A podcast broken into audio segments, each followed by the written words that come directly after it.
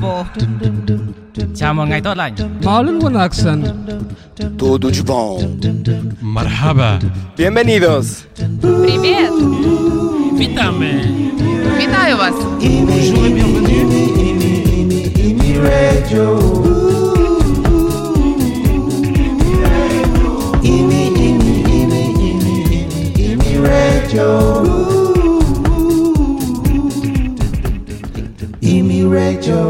მოგესალმებით 22 მაისი და კვლავ ეთერშია ამბები ვარშავა და დღეს ჩვენი სტუმარი იქნება მაკა ხუციშვილი რომელიც არის მაგისტრატურის სტუდენტი აღმოსავლეთ ევროპის კვლევების სასტიპენდიო პროგრამით და ამჟამად არის მეორე კურსის დამთავრებელი კურსის სტუდენტი.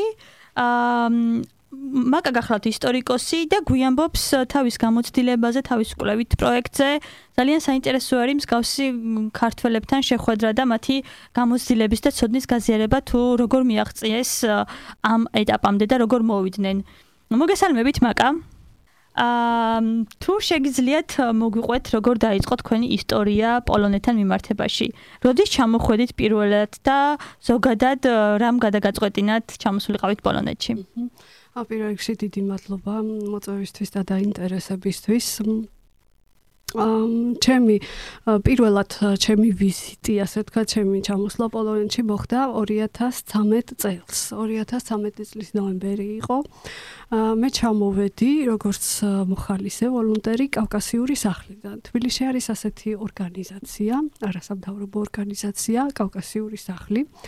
სადაც იყო პოლონელი ახალგაზრდა დომინიკ ჩაგარა რომელიც იყო ამ პროექტის კოორდინატორი და მან გამიწია რეკომენდაცია ანუ host ორგანიზაციასთან, მასპინძელ ორგანიზაციასთან, ეს იყო ქალაქ ვიდგოსში, ვინდმილის ფონდი, ვიატრაკის ფონდი, რომელიც ძალიან საინტერესო ფონდია და პროექტს ერქვა სენტ ნიკოლას project, ანუ წმინდა, ანუ ეს ეხებოდა ჩვენი ტრადიციების წარმოჩენას, როგორ ზეიმობთ ახალ წელს შობას საქართველოში და ასე შემდეგ. პრეზენტაციები უნდა გაგვეკეთებინა დამამთავრებელი კლასის მოსწავლეებთან. ანუ საკმაოდ უკვე დიდ ახალგაზრდებთან და მახსოვს რომ ჩამოვედით 1 ნოემბერი იყო ბიდგოსში, ნუ ჯერ ვარშავაში, შემდეგ ბიდგოსში და თქვენ ახევარი დეკემბრის შუა რიცხვებამდე ვიყავით და ძალიან საინტერესო პროექტს ვაკეთებდით ჩემს ქართველ კოლეგასთან ერთად. აა და რაც შეეხება როგორ დაიწყო ასე ვთქვათ მე მქონდა გადაწყვეტილი ენა იცოდით უკვე სანამ არა, ჩამოხვიდეთ არა. პირველად. არასწორად მაშინ ამ პროექტის ფარგლებში დაგვაწყებინეს სწავლა პოლონურის, იყო პოლონურის კურსები და დავიწყე სწავლა სხვა მეგობრებთან ერთად ზოგმად დაანება მალევე თავი და მე ბოლომდე მივყევი და რომ ჩამოვედი დანებდით. რა, რომ დაბრუნდი საქართველოში. იქ და ჩანდა რომ მე როცა გავაკეთე პრეზენტაციები თვითონ პოლონელებზეც გააკეთეს მქონდა ასეთი მოკლე პრეზენტაციები ამ უფროს კლასის მოსწავლეებთან მასწავლებლები ესწრებოდნენ. დიდი ინტერესი ჩანდა ამ ადამიანების მხრიდან და გარდა ამისა მეც მაინტერესებდა და გადავწყვიტე რომ ენა ბოლომდე მიმეყვანა შემესწავლა და მეწყო სწავლა და შემდეგ აი ამ კუთხით, იმიტომ რომ ძალიან ბევრი რაღაცა დასაწერია, გამოსაკვლევია და რაღაც ახალი შევქმნა და დავწერო, გამოვიკვლიო აი ამ კუთხით, ანუ და კიდევ ერთი ახალი რაღაც იქნება ქართულ-პოლონურ ურთიერთობებში. ესე იგი თქვენ ნახევარი გრძელდებოდა ეს პროგრამა პირველად და შემდეგ გადაწყვეტეთ რომ სწავლა გაგეგზელებინათ პოლონეთში. კი, შემდეგ როდესაც ჩამოვედი და ჩავედი და უბრუნდი თბილისში დავიწყე პოლონურზე სიარული და მე პარალელურად სამაგისტრო ნაშრომს ვწერდი თბილისში. რა თემაზე მუშაობდით ამ დროს? რომელიც ეხებოდა რეპრესირებულ გერმანელებს სამხრეთ კავკასიაში. გასაგები, ესე იგი თავიდან გერმანელებით დაიწყეთ კვლევა. გერმანელებით, მაგრამ გერმანელებზე ძალიან ბევრი იყო და თან კიდე ანუ უკვე არსებობს კვლევითი ნაშრომები ამ თემასთან დაკავშირებით. ნუ კონკრეტულად იმ საკითხზე არ იყო, მაგრამ შედარებით ვიდრე პოლონელებთან შედარებით უფრო მეტი იყო და ეს როდესაც ვიკვლევდი ამ დავდიოდი არქივში, ყოფილი ენკავედეს არქივში, ნაგასაქმეთა სამინისტროს არქივში და იქ თან პარალელურად აი წავაწყდი რასაც ქვია პოლონელების შესახებ ანალოგიურად უამრავ მასალას. იმ მომენტში როდესაც მუშაობ მუშაობდით. რაღაც დაემთხვა და არაფერი ალბათ შემთხვევით არ ხდება რა ვიცი და ასე მე გადავწყვიტე რომ ინსპირაცია იყო ეს მომენტი თქვენთვის? კი კი თან აი ძალიან საინტერესო ისტორიები იყო რა თქმა უნდა ძალიან ტრაგიკული, მაგრამ ამავდროულად ძალიან საინტერესო. და გადავწყვიტე რომ პოლონური შემესწავლა და ვარშავაში ჩამოსულიყავი, იმიტომ რომ ძალიან ბევრი მასალა საარქივო ასევე არის აქაც. ასევე არის ზოგი ისეთი სპეციფიკა არის რომ საჭიროა გაზეთებიდან ამოწერა და მასალის შეგროვება მაშინდელი პერიოდიკიდან და რა ვიცი აი ასე გასაგებია. ეს ყველაფერი. ვიდრე უფრო სიღრმისეულად დავიწყებთ საუბარს რა შეხება თქვენი სამაგისტრო კვლევა და რა თემაზე მუშაობთ და როგორ მიმდინარეობს ეს კვლევა ძიება და თქვენი მუშაობა ამ თემაზე? მოდით მოვუსმინოთ ქართულ სიმღერას და შემდეგ გავაგზავნოთ საუბარი na nasa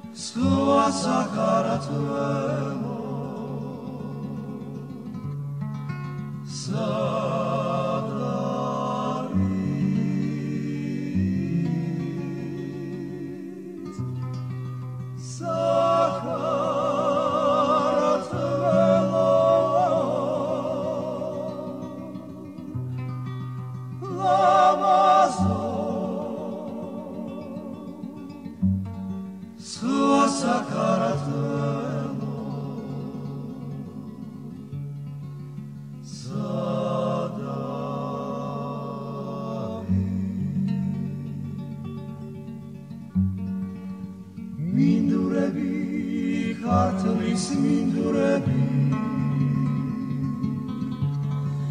Kedebi muhargaş ilebi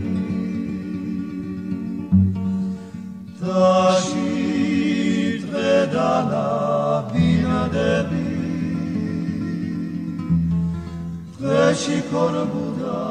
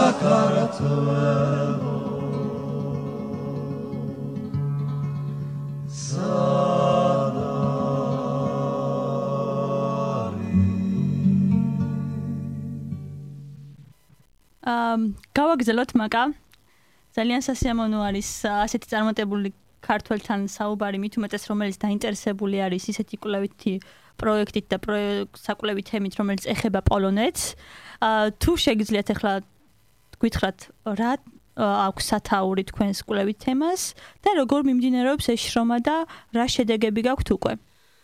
ჩემი კვლევა, რომელიც არის ასევე მომავალი სადის, ну, სადისერტაციო ნაშრომი, მე დოქტორანტურა შევაჩერე იმისთვის, რომ ევრომასტერი ამეღო და გამეკეთები და მაგისტრატურა, მიმეღო მაგისტრის ხარისხი და კვლევას კვლევას კონკრეტული სათაური არის რეპრესირებული პოლონელები საბჭოთა საქართველოში დიდი ტერორის დროს, ანუ კონკრეტულად კონცენტრირდები ამ შემთხვევაში დიდი ტერორის პერიოდში. ეს არის ანუ 1927 20-38 წლები, ნუ ეს არის ტერმინი დიდი ტერორი, რომელიც რობერტ კონკვისტმა შემოიღო ისტორიოგრაფიაში ასეთი ტერმინოლოგიით არის ცნობილი, ასე ვთქვათ, ეს პერიოდი. ეწოდება დიდი ტერორი.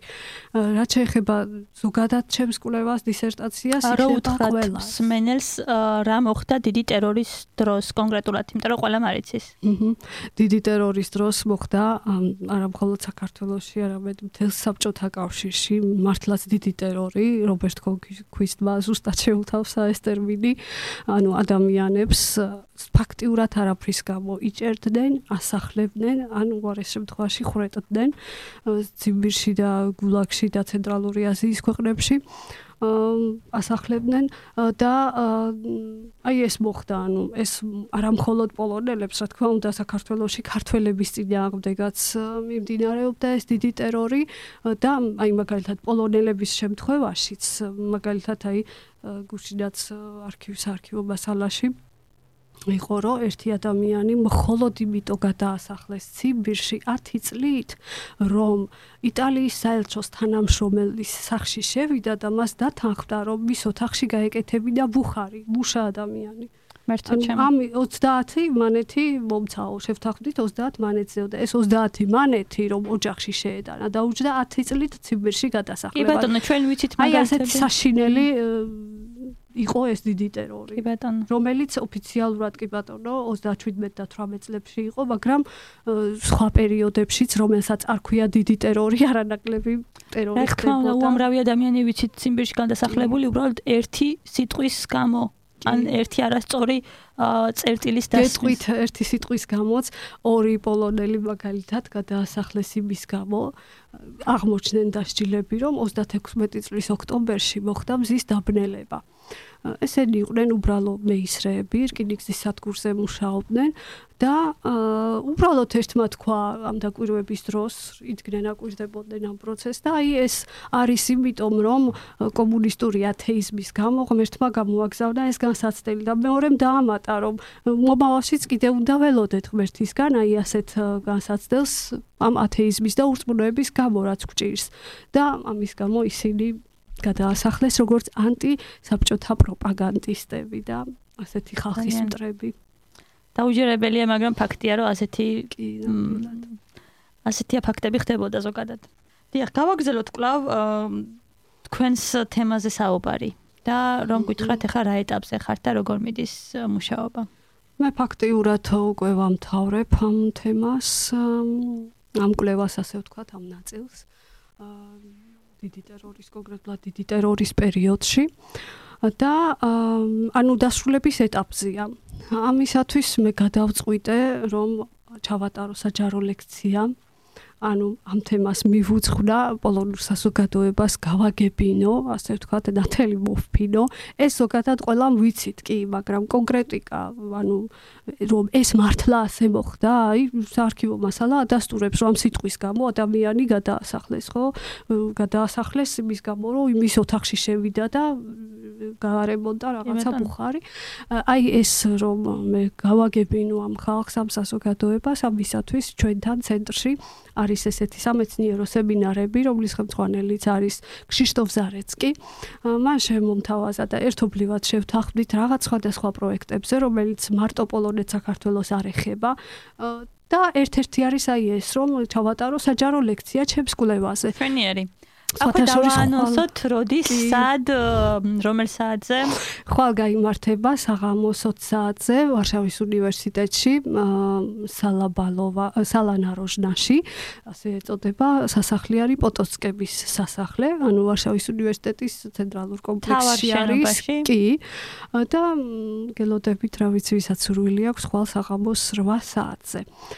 ეს არის საჯარო ლექცია. ასევე დასწრება უფასოა, კი თავისუფალია. თავისუფალია შესვლა რა თქმა უნდა და მსურველებს გელოდებით ძალიან კარგი, ძალიან საინტერესო იქნება და იმედია ბევრი მსმენელი იქნება. იმედია ვიმედოვნე აა უფრო მეტი რო გითხრათ ამ სამეცნიერო წრესთან დაკავშირებით, თქვენ როდის შეუერთდით და აა, რას ემსახურება და რას აკეთებთ?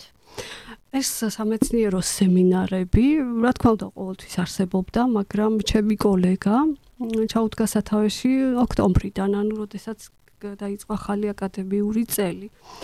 აა მან ну, აქ ხალხს აინტერესებს, ჩემს ცენტრში ძალიან დიდი ინტერესია ზოგადად კავკასიის საქართველოს შესახებ და მ, გავადავწყვიტეთ, რომ ჩავატაროთ ასევე ერთობლივად სამეცნიერო კონფერენცია, განიერი. სესია, ასე ვთქვათ, რომელსაც ეწოდება, თავიდან გვინდოდა რაღაც პოლონურ ქართულ ურთიერთობებზე, მაგრამ ეს უფრო რაღაცა კონკრეტული რაღაც მარტო ჩვენ გვეხებოდა, ამიტომ გადავწყვიტეთ, რომ თლიანად რეგიონს აღმოსავლეთ ევროპას მივუძღვნათ და სახელწოდება ქვია 100 წელი ვერსალიდან, ანუ მმ. 100 წელი ვერსალის კონფერენციიდან საკმაოდ მნიშვნელოვანი ისტორიული თარიღია. კრეატიული სათაური შეგირჩევიათ. კი, პირველი მსოფლიო ომის შემდეგ ემ, თელმა რეგიონში არსებულმა ადამიან ხალხებმა, ასე ვთქვათ, მიიღეს სახელმწიფოებრივი დამოუკიდებლობა.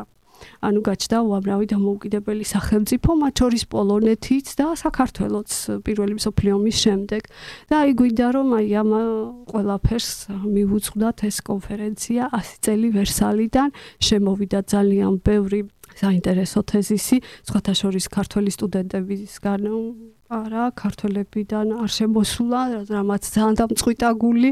მ, პრომეთეიზმი და ამ შემდეგ ძალიან საინტერესო თემატიკა ზე არის გასაგებია. ნუ ქართველი სტუდენტები არც ვართ დიდი რაოდენობის და თან ხო შეიძლება სხვა მიმართულებით სწავლობენ. მე შემიძლია ასეთი ახსნა მოუძებნო, მაგალითად საერთაშორისო ურთიერთობები, ბიზნესი და მენეჯმენტი ის მიმართულები რაც ინგლისურად არის, უფრო მოთხოვნადი არის. კი, მაგრამ რავი, ეს- საერთაშორისო ურთიერთობებსაც ალბათ ეხება ძალიან ფართო კი, კი, გეთანხმებით.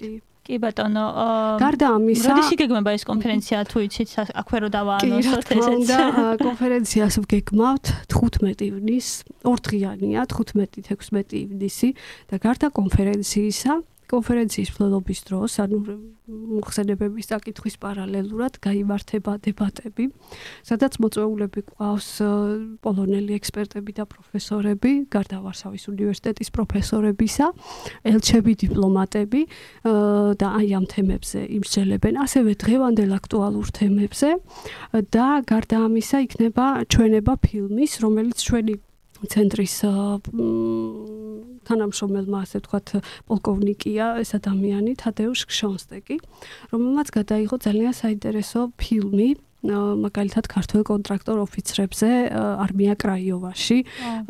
და საერთოდ აი ამ პრომეთეიზმის მოძრაობა მთელი ეს აღმოსავლეთ ევროპის ადამიანის ქვეყნები ხალხი როგორ იბრძოდა სახელმწიფოებრივი დამოუკიდებლობის მოპოვებული დამოუკიდებლობის შენარჩუნებისთვის და აი ამ ფილმის ჩვენებაც გვინდა რომ გავმართოთ და შემდეგ ასევე დებატები ან პოლკოვნიკს ვინც ეს ფილმი გადაიღო შევთავაზოთ რომ რაღაცა ლექცია ჩაატაროს მეორე დღეს ანუ 16 ივნის ამ თემაზე შვენიერი. წარმატებებს გისურვებთ და დარწმუნებული ვარ ძალიან ისეთი მაღალი დასწრებით ჩაივლის ეს კონფერენცია. აა კლავ შემოგთავაზებთ ქართულს აა, მელოდიას და შემდეგ გავაგზავნოთ საუბარი. Yeah.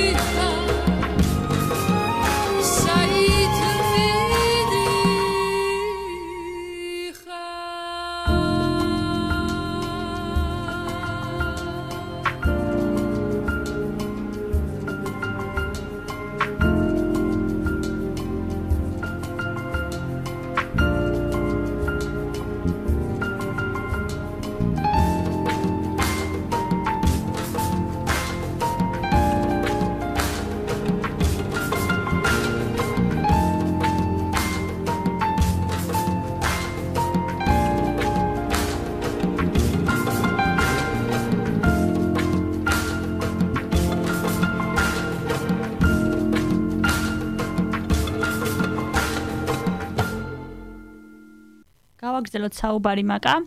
ახლა თუ შეგიძლიათ რომ მოგვიყვეთ უფრო მეტი სამეცნიერო წრესთან დაკავშირებით, კერძოდ რა პროექტები განგიხორციელებიათ უკვე და საქართველოს რა პროექტი ეხებოდა უკვე განხორციელებულიდან. აა სხვათა შორის ოქტომბრიდან დაწყებული ძალიან ბევრი საინტერესო შეხვედრა, ციგნის პრეზენტაციები გამართა სამეცნიერო სემინარებმა. და ერთ-ერთი რაც საქართველოს ეხებოდა იყო მაგალითად აი გასულ კვირას იყო ასეთი დღე ორიენტალის, ანუ ფაკულტეტს ქვია ორიენტალისტიკის ფაკულტეტი და იყო ჩვენი დღე, ჩვენი ფაკულტეტის დღე. და ხელმძღვანელმა, ანუ შიშეკმა მ, შემომთავაზა, რომ მე ყოფილიყავი, როგორც ასე ვთქვათ, მკვიდრი საქართველოსდან, native ქართველი, ასე ვთქვათ, ადამიანი, რომელიც სრულველებს დაუწერდა ქართულ ენაზე, ქართულ ალფაბეტზე, მათ სახელებს. და მე ხა რა თქმა უნდა დავთანხმდი სიამოვნებით მ, მივიღე მონაწილეობა ამოვბეჭდეთ ა, მოქვისახარება ეს ხელნაწერი მე-13 გამაგარია? საუკუნის ა, ნუსხურად რომელიც არის ძალიან ლამაზი სხვათა შორის და ძალიან შთამბეჭდავი იყო და ხალხი მოდიოდა და გვეკითხებოდა რა არის ეს და რა თქმა უნდა ისტორიასაც ვუყვებოდი მოქვისახარების აფხაზეთში არის ოჩამჩირესთან ახლოს სოფელი მოქვი და ამ ტაძარში იყო სკრიპტორიუმები როგორც ასეთი და გადაწერილია იქ და შემდეგ ხელნაწერთა ინსტიტუტმა გააკეთა მისი რესტავრაცია და ასე შემდეგ და ძალიან დიდი ინტერესი ჩანდა. მე არ მოველოდი ამას. მე რომ დავთანხმდი ჩემს კოლეგას ვიფიქრე რომ ნუ რაღაცა გასაგებია. რაღაცა არ იქნებოდა ესეთი, მაგრამ ამ, ძალიან ბევრი ადამიანი თან სურათების გადაღებაც უნდათ მოქვისახა აი ამ ამ ობეჭდილთან. გარდა ამისა მივიტანეთ ქართული ხალიჩა და ძალიან ბევრი ხალხი მოდიოდა და ესე იდგა და უყურებდა რა თქმა უნდა ეს ყველაფერი ავუხსენი და ძალიან ბევრი თხოვდა მისი სახელის დაწერას ქართულ ალფაბეტზე კი და ძალიან დიდი მოწონება დაიმსახურა და აი აღრთოვანება ხალხის და მართლა არ ველოდი მე ამას.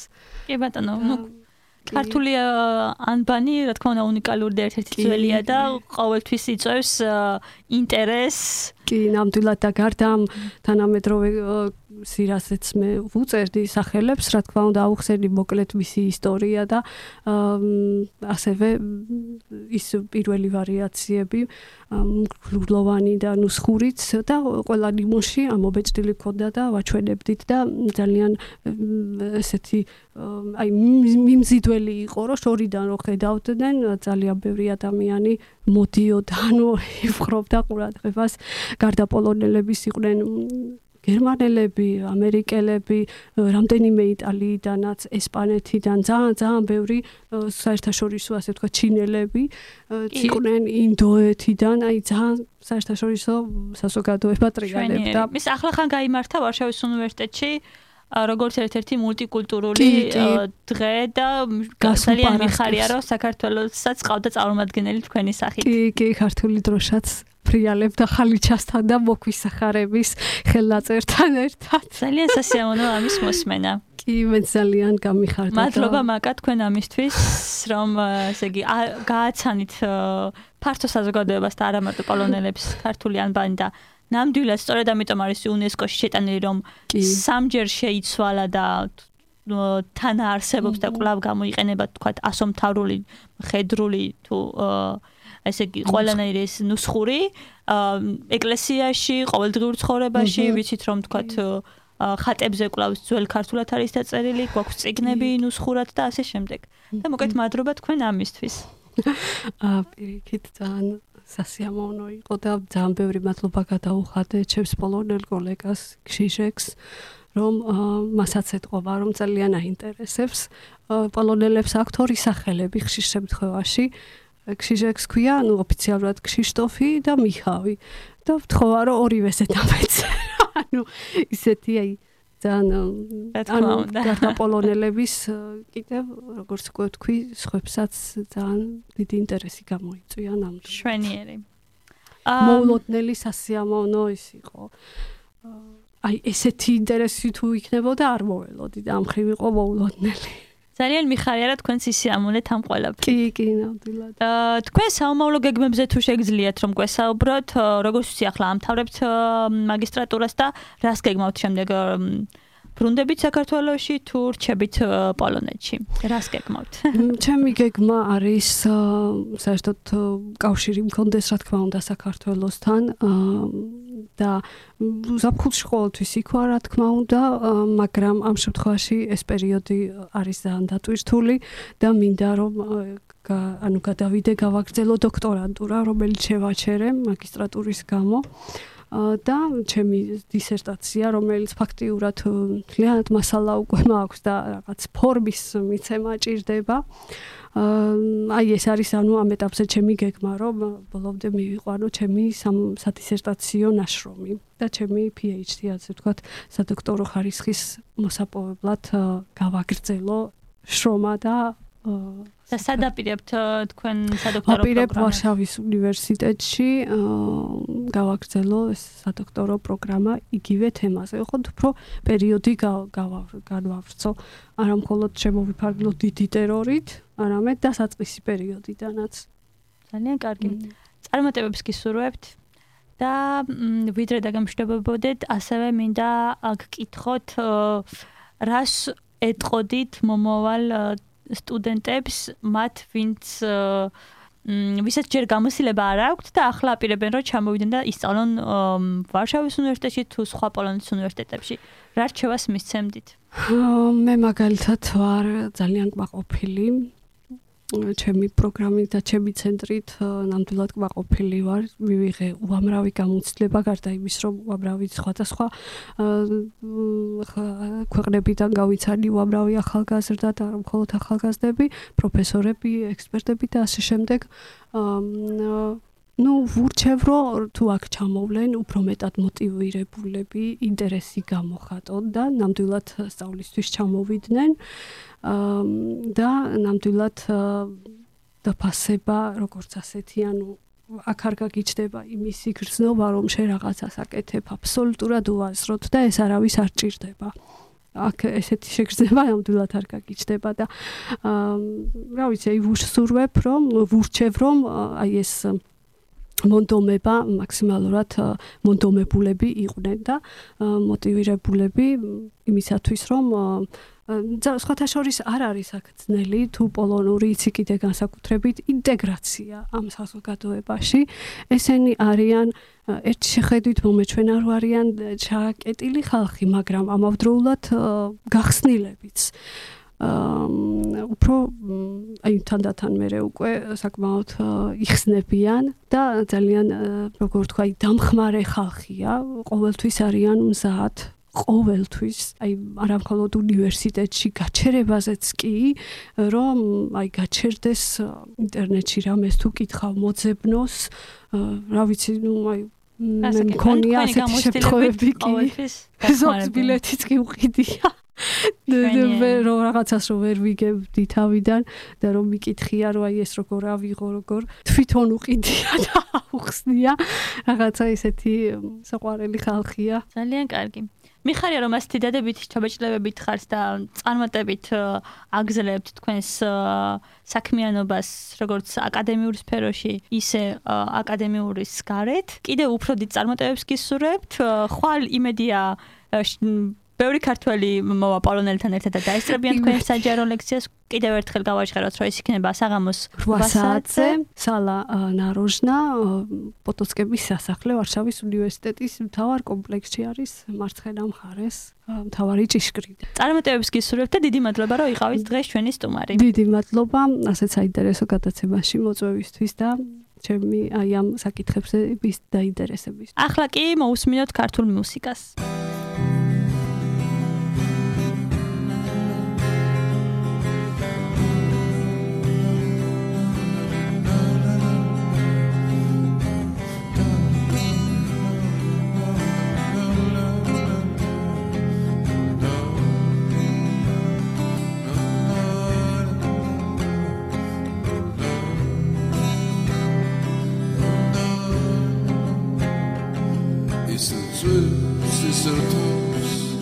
ისე წლებები აქვს დროს ჩვენ ცნობებს არ დო მიგვატოვა სადღაც შორს მე შეგიც ამ სიმღერას რაღაც ჩემ სიყვარულზე მეტი შენ ზღვას გავხარ დამშვიდებული და მაინც მე შენ დავებში ვხდები სულს მოგცე ამ სიმღერით რაღაც ჩემ სიყვარულზე მეტი შენ ზღვას გავხარ დამშვიდებულს და მაინც იძირება გემი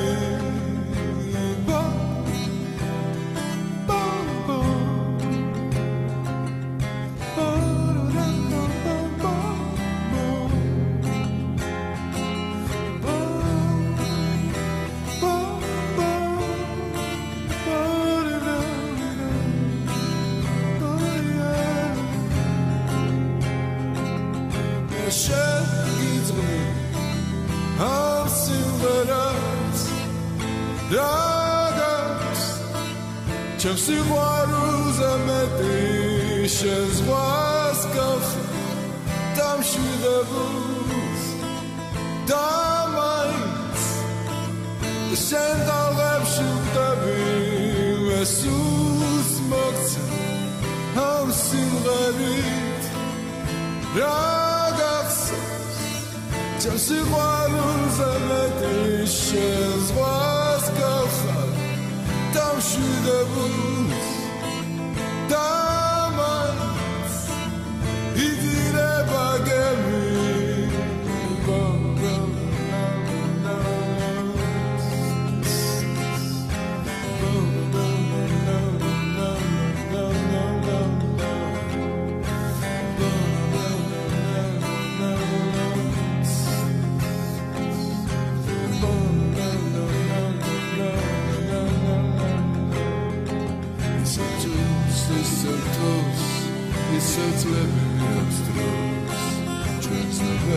არდოს მიგვატოვა სადღაც შენ შენ იცი ამ სიმღერას ამ სიმღერით რა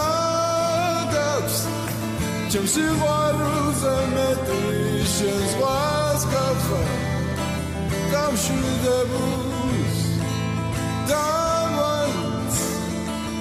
Is it ever getting